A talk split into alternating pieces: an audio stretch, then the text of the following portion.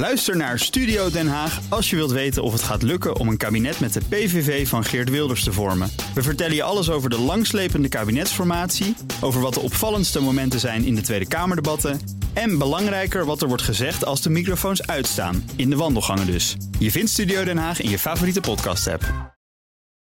De column van Ben van den Burg. Ik herinner me een kunstenares, is een paar jaar geleden op de radio. Ik kon haar niet meer vinden op Google. Maar ze vertelde dat ze als kunstuiting een week leefde in Amsterdam zoals mensen in de oertijd leefden. Zonder schoenen struinen ze de straat af. Ze at wat ze kon vinden in de natuur. Ze maakte een vuurtje op haar balkon om haar eten te bereiden. Ze sliep onder de sterrenhemel. Ze douchte niet en ze gebruikte geen toiletpapier. En toiletpapier dat miste ze niet, want het is immers hygiënische water te gebruiken na het doen van je behoeften. Ik denk een paar keer per week aan haar verhaal. Want leven in het verleden brengt zoveel ongemak met zich mee. Deze week ontstonden een paar opstootjes over leven in het verleden versus leven in 2018. De eerste was het niet meer kunnen betalen met cashgeld bij gemeentelijke balies. Bij de gemeenten zoals Leiden, Deventer en Amersfoort kan alleen nog met een pinpas betaald worden. Daardoor hoef je niet te klooien met wisselgeld, het is veiliger en sneller. Iedereen gelukkig, behalve mijn vader, die nog nooit een pinpas gebruikt heeft. De nationale ombudsman sprong in de bres en betoogde dat mensen als mijn vader wel met contant geld terecht moeten kunnen. Ook de Nederlandse bank vindt dat we uitsluiting van kwetsbare groepen moeten voorkomen. De Tweede Kamer wil een debat over deze kwestie. Terwijl ik denk, die mensen hebben gewoon pech. Een cashloze samenleving biedt uiteindelijk voor iedereen voordelen. Waarom zou je dan krampachtig vasthouden aan een nostalgisch ideaal van het gedoe met papiergeld in je portemonnee of los in je broek?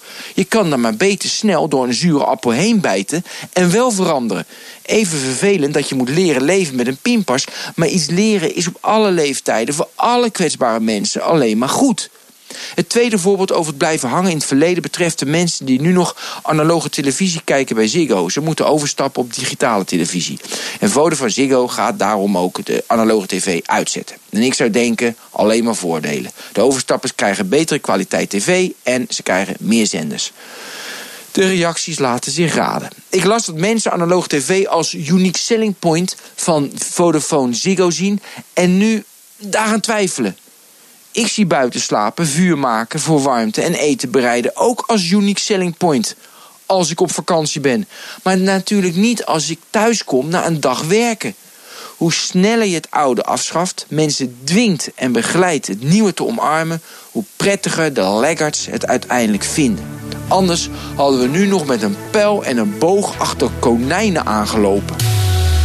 En dat zijn Ben van den Burg. En die kunt u altijd horen op vrijdag, want dan is onze. Ook Liesbeth Staats vind je in de BNR-app. Ja, heel handig. Luister live naar Kees en mij tijdens de Daily Move. Dan blijf je ook gelijk op de hoogte van breaking news en het laatste zakelijke nieuws. En daar vind je ook alle BNR-podcasts, waaronder de Perestrooikast. Download nu de gratis BNR-app en blijf scherp.